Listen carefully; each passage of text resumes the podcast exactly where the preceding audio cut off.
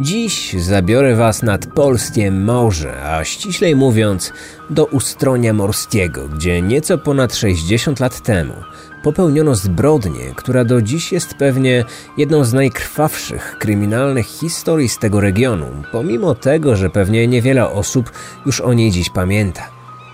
Zanim przejdziemy do szczegółów tej sprawy, chcę Was jeszcze prosić o wystawienie oceny dla podcastu w serwisie Spotify. Was to nic nie kosztuje, zajmie to dosłownie 5 sekund, a mnie pomoże, bo w ten sposób Kryminatorium ma szansę dotrzeć do nowych odbiorców. Zachęcam też do kliknięcia przycisku Obserwuj oraz włączenia powiadomień dla podcastu. To ten przycisk dzwoneczka. Wtedy dostaniecie na telefon komunikat o wszystkich najnowszych publikacjach. Z góry dziękuję. Kryminatorium. Otwieramy akta tajemnic. Był 18 lipca 1961 roku. Słoneczny wtorek. Tego dnia do Ustronia Morskiego przyjechała para turystów z Piły. Gdy zobaczyli już morze i zwiedzili miejscowość, postanowili pójść na dłuższy spacer do położonego na skraju wioski lasu. Kazimierz i Danuta, bo tak mieli na imię, w lesie chcieli znaleźć trochę malin. O tej porze roku dzikie owoce smakują przecież najlepiej. Wypatrywali więc dorodnych krzaków, aż nagle kobieta zauważyła w oddali coś dziwnego. Coś, co przykuło jej uwagę, bo wyglądało jak ludzka noga. Podeszła bliżej. Teraz nie miała już wątpliwości. Na ziemi w lesie leżał jakiś mężczyzna. Nie widziała jego twarzy, bo górna część ciała, łącznie z głową, były przykryte jakąś szarą tkaniną. Może jakaś szmata, może odzież. W każdym razie, mężczyzna nie miał na sobie butów, a jedynie skarpety. To mógł być oczywiście jakiś zmęczony turysta, który postanowił odpocząć na łonie natury w lesie. Jednak Danuta postanowiła to sprawdzić. Zawołała swojego partnera, który chwilę wcześniej oddzielił się od niej, prosiła go, aby przyszedł i sprawdził, co dzieje się z tym mężczyzną. Kazimierz podszedł do niego, chciał go obudzić i sprawdzić, czy wszystko z nim ok. Jednak gdy się zbliżył, zauważył obok niego na trawie ślady krwi. To nie zwiastowało niczego dobrego. Postanowiliśmy nie dotykać ciała. Od razu wyszliśmy z lasu i pobiegliśmy do najbliższych zabudowań, aby wezwać policję.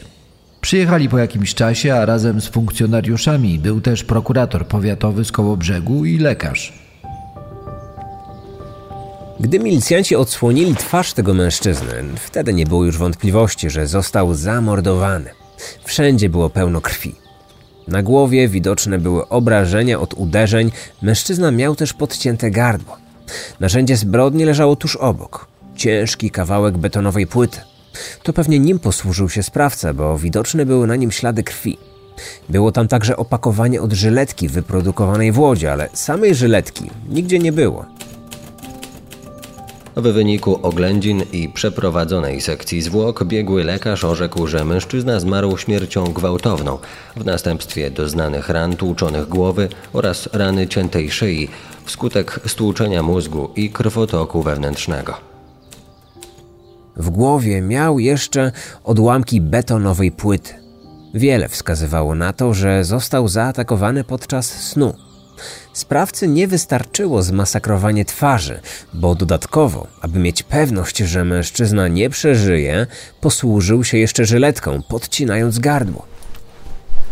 W kieszeniach Denata milicjanci znaleźli kilka drobnych przedmiotów, takich jak chusteczkę, długopis, cukierki, były też drobne pieniądze, e, monety, co najwyżej kilkanaście złotych.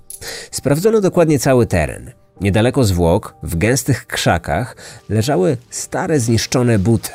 Mogły należeć do ofiary, bo zamordowany mężczyzna, gdy go odnaleźli, nie miał na sobie obuwia. A może były to buty mordercy, który założył te należące do ofiary, a swoje wyrzucił w krzaki. Twarz i górna część ciała Denata były przykryte kurtką przeciwdeszczową. Najpewniej zrobił to sprawca. Hmm, ale dlaczego? Na to pytanie nie znalazłem odpowiedzi w źródłach, ale ten wątek czasami pojawia się także w innych sprawach kryminalnych i zdarza się, że podobne zagadnienia są przedmiotem fachowej analizy. Jan Gołębiowski w swojej książce Profilowanie kryminalne wspomina, że takie zachowanie czasami może świadczyć o tym, że sprawca mógł działać w wyniku mechanizmów obronnych dysocjacyjnych. Krótko mówiąc, mógł chcieć się w ten sposób odciąć od tego, co zrobił. To mogłoby także prowadzić do wniosku, że sprawca nie planował zabójstwa, że cała zbrodnia była finałem kontaktu z ofiarą, który go zaskoczył. Była też inna opcja, jak dla mnie chyba najbardziej prawdopodobna. Może morderca po prostu nie chciał patrzeć na twarz zamordowanego przed chwilą mężczyzny, podczas gdy przeszukiwał jego kieszenie lub plądrował teczkę. To z kolei mogłoby świadczyć o braku przestępczego doświadczenia lub mm, pewnej wrażliwości. Niedaleko w krzakach odnaleziono też ręcznik. Były na nim widoczne ślady krwi. To był początek lat 60., więc oczywiście nie było mowy o badaniach DNA, ale w tamtych czasach można było sprawdzić przynależność grupową krwi. Może i ten sposób nie pozwalał wskazać konkretnie, kto zostawił te ślady, ale ustalenie grupy mogło zawęzić krąg podejrzanych. I ustalono, że ślady należały do grupy krwi A oraz 0, więc przynajmniej do dwóch osób. Zamordowany mężczyzna miał właśnie grupę A, więc można było założyć, że to jego krew. Jednak druga z ustalonych grup w takim razie mogła należeć do sprawcy. Należało jeszcze ustalić tożsamość, bo tylko w ten sposób uda się dotrzeć do znajomych i bliskich zamordowanego. Dzięki temu można dowiedzieć się, z kim dana osoba przed śmiercią była na przykład skłócona, z kim się przyjaźniła, jakie miała plany. Odpowiedź na podobne pytania często może skierować śledczych prosto do sprawcy. Zamordowany miał przy sobie mandat wystawiony na Bolesława P. Była tam także koperta zaadresowana na te same dane. Był to już jakiś punkt zaczepienia. Zdecydowaliśmy się sprawdzić, czy jego linie papilarne figurują już w naszej kartotece. To był strzał w dziesiątkę. Ten mężczyzna był wcześniej daktyloskopowany na komendzie milicji w Nowogardzie oraz w Częstochowie. Dzięki temu mieliśmy pewność, że w lesie odnaleziono zwłoki Bolesława P. Świadkowie opowiadali, że w ostatnim czasie po domach w okolicy krążyli dwaj mężczyźni przedstawiający się za agentów firmy, która wykonywała portrety na zamówienie. Niedaleko miejsca zbrodni odnaleziono portret przedstawiający wizerunek młodego mężczyzny. Ktoś rozpoznał na nim jednego z mieszkańców pobliskiej nadmorskiej wioski, Sianorzętów. Milicjanci dotarli do domu, w którym mieszkał ten e, mężczyzna e, z portretu i porozmawiali z jego rodzicami. Oni potwierdzili, że niedawno złożyli zamówienie na taki portret, a sprzedawca miał im go przynieść kilka dni później. No, niestety, nie zdążył. Najważniejszym świadkiem okazał się jednak mieszkaniec pobliskiego Dygowa. Zeznał on, że 14 lipca, a więc cztery dni przed tym, gdy w lesie odnaleziono ciało, jego dom odwiedził Bolesław w towarzystwie innego mężczyzny. Pytali, czy mogą się u nas zatrzymać na noc. Pamiętam, że jeden z nich, ten młodszy, przedstawił się jako Karol. Mówił, że pochodzi ze Szczecina, że jest murarzem i ma 31 lat. Pokazał mi nawet swoją legitymację związkową. Świadek zapamiętał, że Karol słabo posługiwał się językiem polskim, ale za to mówił świetnie po niemiecku. Świadek z Dygowa zwrócił także uwagę na jeszcze jeden ważny szczegół. Mężczyźni przenocowali w stajni na sianie. Następnego dnia o 11 przyszli do mnie i przynieśli litr wódki. Ten starszy mężczyzna powiedział, że kupił sobie w Dygowie koszulę i siwe półbuty. Karol spojrzał wtedy na swoje buty i powiedział, że też musi kupić nowe, bo ma już bardzo zniszczone. Czy to właśnie te zniszczone buty, e, które milicjanci znaleźli w krzakach obok zwłok, należały do niejakiego Karola? Najprawdopodobniej. Wiele wskazywało też na to, że w śmierć portrecisty może być zaangażowany młodszy od niego mężczyzna, z którym podróżował. Skoro tak, to my też poznajemy Karola nieco bliżej. Karol L. pochodził z robotniczej rodziny. Mieszkał w Hamburgu, tam się urodził i skończył sześć klas szkoły podstawowej. Dlatego też tak dobrze znał niemiecki. W czasie wojny w 1943 roku wyjechał razem z rodzicami i czworgiem rodzeństwa do Polski. Miał wtedy 13 lat.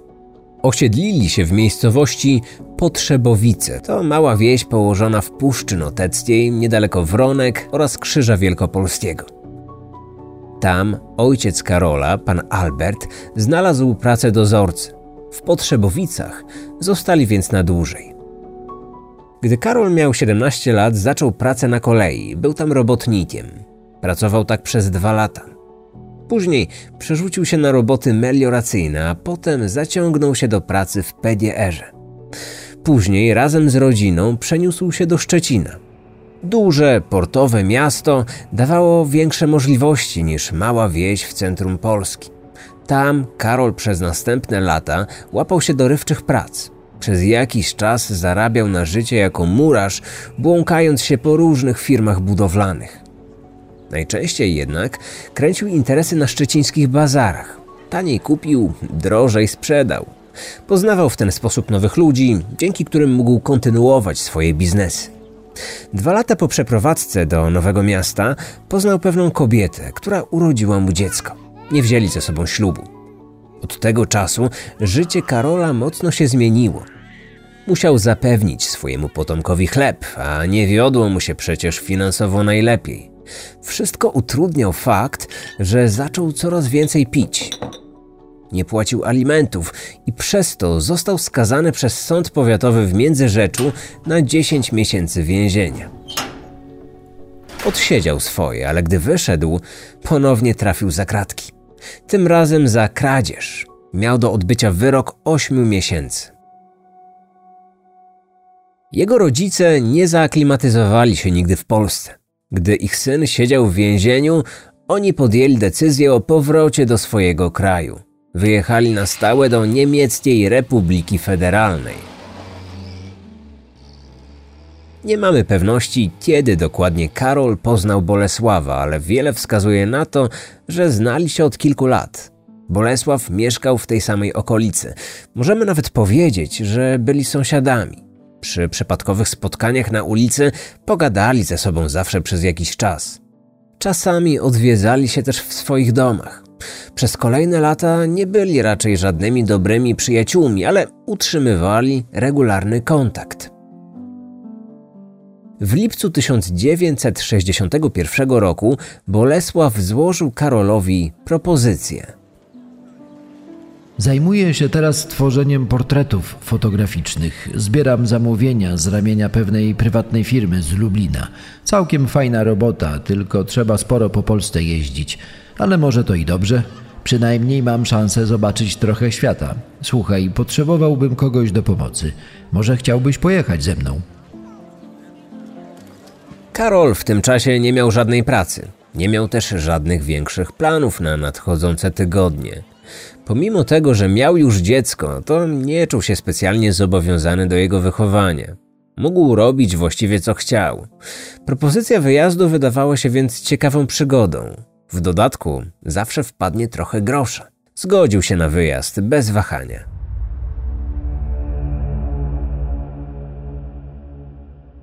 Na początek mężczyźni wyjechali ze Szczecina na teren powiatu gryfickiego. Tam Bolesław przyjął kilka pierwszych zamówień e, i powoli przedstawiał swojemu kompanowi, na czym polega ta praca. Za każde przyjęte zlecenie na wykonanie portretu otrzymywali zaliczki. Z tych pieniędzy Bolesław opłacał wyżywienie dla siebie i pomocnika. Oczywiście nie mogło zabraknąć także budżetu na drobne przyjemności. Wódeczka i papierosy też były na porządku dziennym. Czego chcieć więcej? Karol mógł zwiedzać Polskę, miał z czego żyć, a przez większość czasu szumiało mu w głowie. Z terenu Gryfic pojechali prosto do koło brzegu. Nadmorskie, piękne miasto w samym środku wakacyjnego i słonecznego sezonu. Pochodzili trochę po mieście, a także po mniejszych miejscowościach w okolicy. Bolesław wiedział już, że to właśnie na wioskach jest w stanie złapać więcej zleceń. Trzeba było jednak chodzić od domu do domu, proponować i szukać. Czasami zainteresowanie portretami było duże. Innym razem gospodarze nie chcieli słyszeć o żadnych ofertach i przeganiali ich ze swoich posesji. Byli jednak do tego przyzwyczajeni. 13 lipca 1961 roku Karol i Bolesław dotarli do Dygowa. To całkiem spora wioska zlokalizowana kilkanaście kilometrów na południowy wschód od koło brzegu. To właśnie tam zaczepili się na trzy noce u pewnego gospodarza, który dobrze ich zapamiętał i później przekazał milicji ważne informacje. Zostali tam przez dwa dni. Z Dygowa obrali kierunek na Ustronie Morskie. Wyruszyli z samego rana, 16 lipca 1961 roku. Była niedziela, więc tego dnia nie mieli zamiaru pracować, chcieli się trochę rozerwać. Na początek znaleźli fajną knajpkę i zaczęli dzień od 100 gramów wódki na głowę. Na dokładkę zimne piwko. Nie mogło zabraknąć też zagryzki. Wędzone śledzie i mięsne konserwy, te produkty wzięli na wynos. Zjedli je na łonie natury w lesie. Po krótkim odpoczynku ponownie wybrali się do tej samej restauracji. Siedzieli tam do wieczora, umilając sobie czas, a jakże, gorzałą. Za wszystko płacił Bolesław. To on był szefem i zbierał od ludzi zaliczki. On rządził pieniędzmi. Tego dnia wydali 400 zł, czyli średnią kwotę swojego dziennego utargu. Gdy wakacyjne słońce w połączeniu z promilami sprawiło, że po kilku godzinach stali się trochę senni, poszli do znanego już sobie lasu, aby ponownie odpocząć. Bolesław nie chciał tracić zarobionych pieniędzy na hotele czy pensjonaty. Noce były przecież y, wystarczająco ciepłe. Równie dobrze można było przespać się pod gołym niebem i obudzić się razem z dźwiękiem krakających mew. A zaoszczędzone środki zawsze można było wydać na coś innego, na przykład na dobre jedzenie w restauracji lub na alkohol, którego wciąż było im mało. Postanowił, że tę noc spędzą właśnie w ten sposób, w lesie, na łonie natury. Potem, gdy znaleźli już odpowiednią miejscówkę, Bolesław chciał uciąć sobie krótką drzemkę. Poradził swojemu koledze, aby zrobił to samo. Karolowi coraz mniej podobał się jednak taki styl życia. Był zmęczony ciągłymi wędrówkami, nie chciał spać w stodołach i lasach. Mogli przecież pozwolić sobie na hotel albo chociaż na jakiś pensjonat i poczuć odrobinę luksusu. Karol chciał wracać do Szczecina. Natychmiast. Zażądał od Bolesława 100 złotych, bo tyle potrzebował na bilet. Bolesław próbował go przekonać, że zostaną tu jeszcze tylko przez kilka dni, że musi wytrzymać. Dokończą wszystkie sprawy, zrealizują dotychczasowe zebrane zamówienia i wtedy wrócą razem do Szczecina. Między kolegami doszło wtedy do małej sprzeczki, a właściwie nie takiej małej, bo zakończonej zabójstwem. Gdy Bolesław ułożył się na murawie i zasnął, wówczas u Karola narodziła się myśl, aby go zabić. Podniósł z ziemi betonową płytę i kilkukrotnie uderzył nią w głowę śpiącego. Później wyjął z własnej kieszeni żyletkę polskiej produkcji i podciął gardło nieprzytomnemu mężczyźnie. Po wszystkim Karol przeszukał kieszenie swojej ofiary. Znalazł 100 złotych. Z nadgarstka ściągnął pozłacany zegarek. Zebrał też wszystkie dokumenty i zamówienia na portrety, które udało im się zebrać w ciągu ostatnich kilku dni. Od dawna podobały mu się jego buty. Nie mógł przecież ich zostawić na stopach nieżyjącego mężczyzny. W końcu jemu i tak nie będą już do niczego potrzebne. Ściągnął je z nóg ofiary, po czym założył na własne stopy. Swoje stare i znoszone wyrzucił w pobliskie krzaki. Zadając śmiertelne ciosy, Karol skaleczył się w palec. Betonowa płyta, której używał, musiała mieć ostre krawędzie. Wyszperał w rzeczach Bolesława ręcznik. Najpierw wytarł zakrwawioną dłoń, a później urwał z ręcznika kawałek tkaniny i owinął nim zraniony palec. Resztę ręcznika ze swoimi śladami krwi wrzucił w pobliskie zarośla obok butów. Bolesław e, poza fajnymi butami miał także całkiem ładną teczkę. Wiecie, taką niewielką skórzaną aktówkę. Karol dostał od niego co prawda podobną jeszcze zanim wyruszyli na wyprawę, ale ta jego była używana i w gorszym stanie. Dlatego teczki też nie odpuścił.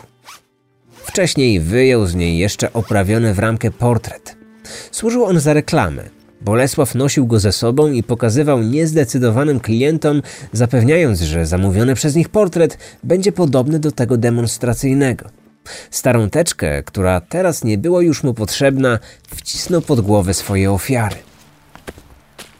Następnie opuścił miejsce zbrodni. Po drodze niszczył i wyrzucał dokumenty należące do Bolesława. Milicja nigdy ich nie odnalazła. Zapomniał jedynie o tym mandacie i kopercie, na którym widniało nazwisko ofiary. Dotarł do głównej drogi. Szedł w kierunku koło brzegu i jednocześnie łapał stopa. Ruch był wtedy całkiem spory. Nie musiał długo czekać. Obok zatrzymał się ciężarowy samochód, który podwiózł go do koło brzegu. Stamtąd Karol poszedł prosto na dworzec. Chciał jak najszybciej opuścić to miasto i wrócić do Szczecina. I tak też zrobił. Morderca został zatrzymany po trzech tygodniach od dokonania zabójstwa. Przez ten czas Karol żył właściwie tak jak wcześniej. Handlował odzieżą na szczecińskich bazarach. Przez cały ten czas nosił skradzione ofierze buty. Miał je na sobie nawet wtedy, gdy 5 sierpnia milicjanci założyli na jego rękach kajdanki i odwieźli go na komendę. Zaznaczam od razu, że okoliczności zbrodni, o których przed chwilą usłyszeliście, to opis zdarzenia, które przedstawiał już po zatrzymaniu morderca. W czasie zabójstwa w lesie pod Ustroniem Morskim nie było żadnych świadków, więc no nie było możliwości, aby te słowa w pełni zweryfikować. Śledczy uznali jednak, że te wyjaśnienia są jak najbardziej wiarygodne. Słowa Karola zgadzały się ze znalezionymi na miejscu przedmiotami i obrażeniami na ciele ofiary. Można więc przyjąć, że tak to właśnie wszystko wyglądało, tak jak opisał.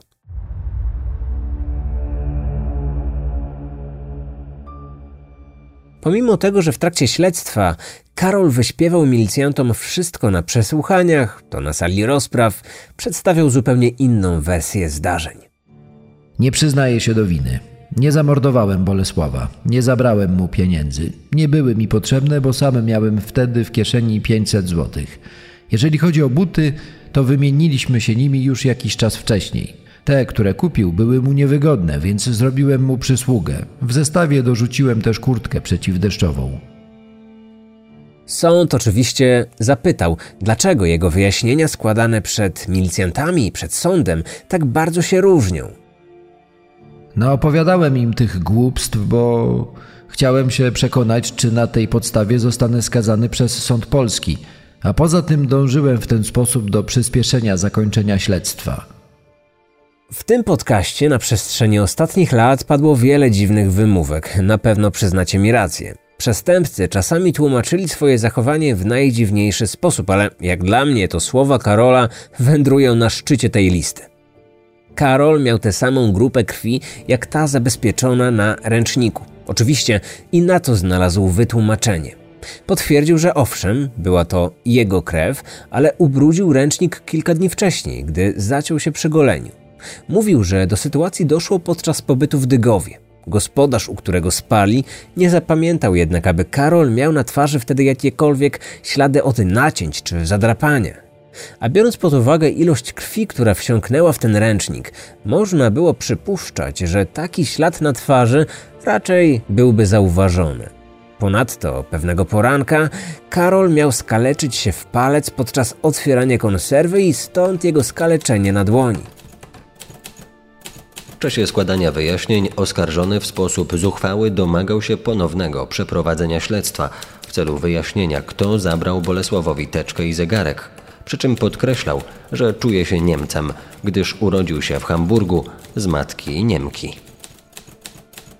Biegli stwierdzili, że w czasie zbrodni Karol miał zachowaną zdolność zrozumienia znaczenia czynu i kierowania swoim postępowaniem. Mówiąc krócej, wiedział co robi, nie był chory psychicznie. Nic go nie usprawiedliwiało, musiał więc odpowiedzieć za dokonaną zbrodnię. Na jego decyzję o dokonaniu morderstwa mógł mieć wpływ alkohol. W chwili zabójstwa był pijany i to raczej dosyć mocno, bo wcześniej ostro balangowali w knajpach w Ustroniu. A jaki był jego motyw?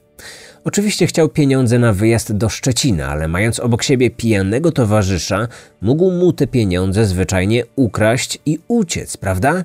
Według wersji, którą przyjął sąd, Karol bał się, że Bolesław doniósłby o kradzieży milicji, a on, jako recydywista, ponownie trafiłby za kratki. Zabił więc swojego szefa, aby pozbyć się świadka kradzieży. Sąd wojewódzki w Koszalinie nie miał wątpliwości co do winy Karola. Materiał dowodowy był konkretny. Okej, okay, Karol zmienił wersję zdarzeń na sali rozpraw e, i nie przyznawał się do zabójstwa, ale co z tego, skoro wcześniej opowiedział o wszystkim ze szczegółami i ta opowieść zgadzała się z okolicznościami zabójstwa. Przekazał wiele informacji, które mógł znać tylko morderca. Co więcej, nie wykazał nawet najmniejszej skruchy. W sądzie zachowywał się zuchwale i arogancko. Może gdyby pokornie się do wszystkiego przyznał, gdyby nie kombinował, gdyby przeprosił, obiecał poprawę, może to wpłynęłoby jakoś na decyzję sądu. Ale tak się nie stało. Nie było okoliczności łagodzących. W dodatku pamiętajmy, że Karol był już wcześniej karany i to dwukrotnie.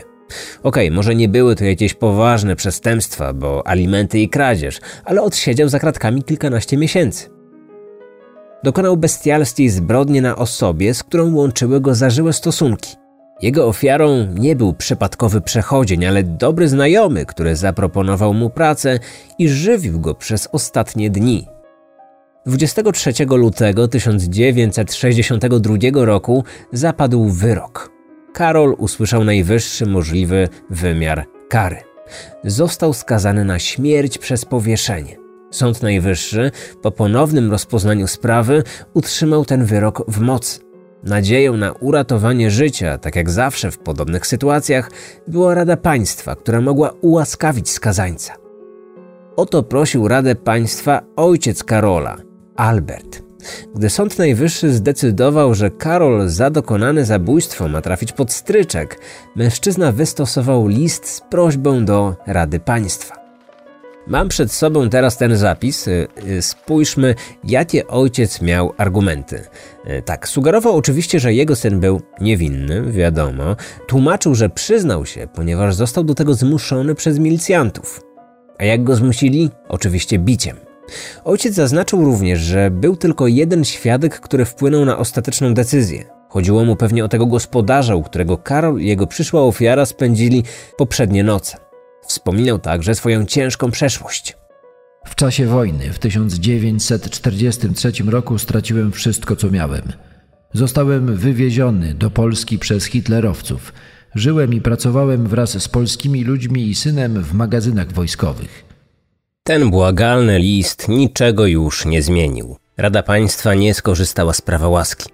32-letni Karol L. 13 września 1962 roku stanął pod szubienicą w centralnym więzieniu w Gdańsku, gdzie Kat pociągnął zapadnie i w ten sposób zakończyło się jego życie. Wiecie, co najbardziej ekscytuje mnie po publikacji takich odcinków jak ten? Mówiąc o tych archiwalnych sprawach z naszego kraju, zawsze mam cichą nadzieję, że znajdzie się wśród Was, wśród słuchaczy, jakaś osoba, która napisze mi wiadomość na Instagramie lub w mailu i opowie o jakichś dodatkowych szczegółach. Wiem, zdaję sobie sprawę, że większości z Was w 1961 roku nie było nawet jeszcze na świecie, ale jeżeli pochodzicie z tych okolic, no to może słyszeliście kiedyś o tej sprawie od swoich bliskich. Takie rzeczy się naprawdę pamięta, więc może dziadek lub babcia opowiadali wam o tym. Wierzcie lub nie, ale wielokrotnie zdarzało się, że po publikacji podobnych odcinków dostawałem podobne wiadomości. A w nich znajdowałem dodatkowe szczegóły, czasami były tam nawet fotografie związane ze sprawą, relacje o osobach, które były zaangażowane w całe śledztwo. Swoją drogą, może powinienem kiedyś zrobić taki zbiorczy odcinek, w którym wróciłbym do poruszanych wcześniej tematów. Oczywiście zachęcam Was do tego, abyście dzielili się ze mną swoimi historiami. Jestem dostępny na Instagramie Marcin Myszka 1, tam mnie znajdziecie. A, i przypominam jeszcze o wystawieniu oceny dla podcastu. No i kliknięciu przycisku obserwuj i dzwoneczka. To mi bardzo pomoże, będę zobowiązany. Z góry dziękuję. Do usłyszenia w nadchodzący poniedziałek. Odcinek powstał na podstawie uzasadnienia wyroku w sprawie Karola L. Wykorzystano także informacje i fragmenty z rozdziału Wędrowni sprzedawcy portretów w książce Historia pisana zbrodnią autorstwa Joanny Krężerewskiej oraz informacje zawarte w książce Profilowanie kryminalne Jana Gołębiowskiego.